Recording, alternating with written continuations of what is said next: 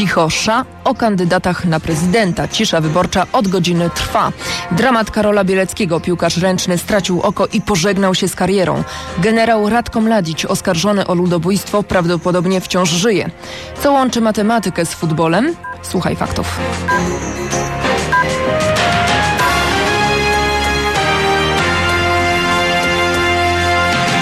Od godziny w całym kraju obowiązuje cisza wyborcza. Potrwa ona do zamknięcia lokali wyborczych w niedzielę do godziny 20. Zabronione jest zwoływanie zgromadzeń, organizowanie pochodów, manifestacji, wygłaszanie przemówień, rozdawanie ulotek i prowadzenie w jakikolwiek inny sposób agitacji na rzecz kandydatów. W tym samym czasie zabronione jest również podawanie do wiadomości publicznej wyników sondaży przedwyborczych. Wyliczał Krzysztof Lorenz z Krajowego Biura Wyborczego. Naruszenie ciszy wyborczej będzie karane. Za czynną agitację grozi grzywna w wysokości do 5 tysięcy złotych. Za publikowanie sondaży kara sięga od 500 tysięcy złotych do miliona. Już koniec kariery Karola Bieleckiego. Rozgrywający polskiej reprezentacji piłkarzy ręcznych nie wróci na parkiet. Lekarzom nie udało się uratować oka szczypiornisty. 28-letni Bielecki doznał urazu w meczu towarzyskim z Chorwacją w Kielcach. W reprezentacji Karol Bielecki rozegrał 147 meczów, zdobył 642 gole, co daje mu siódme miejsce wśród najlepszych szczypiornistów w historii polskiej piłki ręcznej.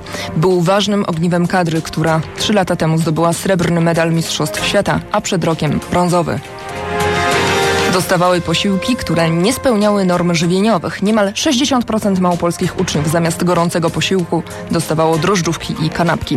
Bije na alarm Najwyższa Izba Kontroli w swoim raporcie. Kanapki i słodycze. Tylko nic gorącego? Nie. Suły prowiant, picie jakieś, coś słodkiego. I nie jest to gorący posiłek? No nie jest. Dlaczego te dzieci nie otrzymują gorących posiłków? Problem dotyczy małych szkół, to znaczy jeżeli mamy małą szkołę i korzysta z pomocy w zakresie dożywiania czworo, pięcioro dzieci, to, no to istnieje problem logistyczny z dostarczeniem cateringu, z odpowiednim podaniem w warunkach, które są wymagane przez przepisy. I co dostają?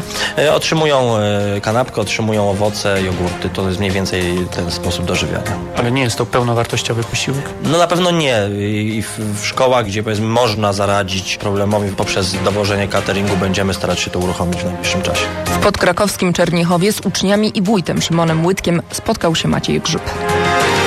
Radko Mladić, dawny dowódca Serbów bośniackich, wciąż żyje?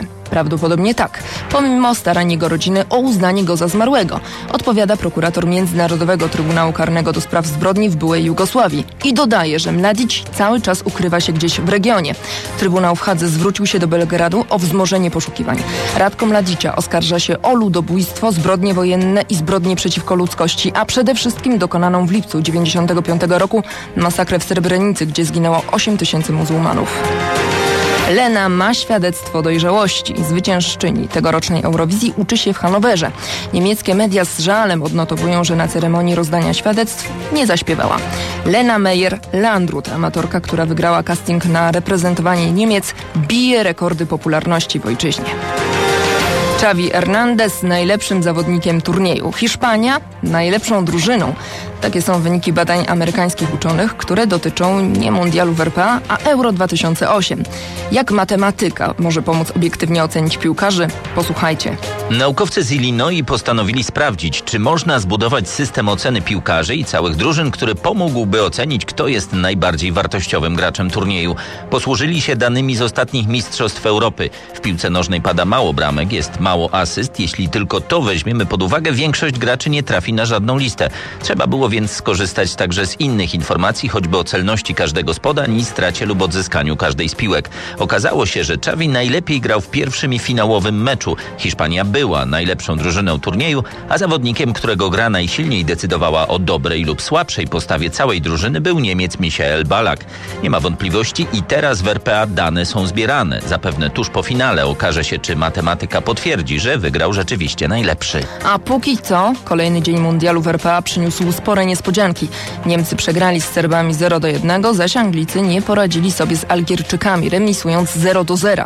Mecz Słowenii z USA zakończył się także remisem 2 do 2. Radio, muzyka, fakty. RMF FM.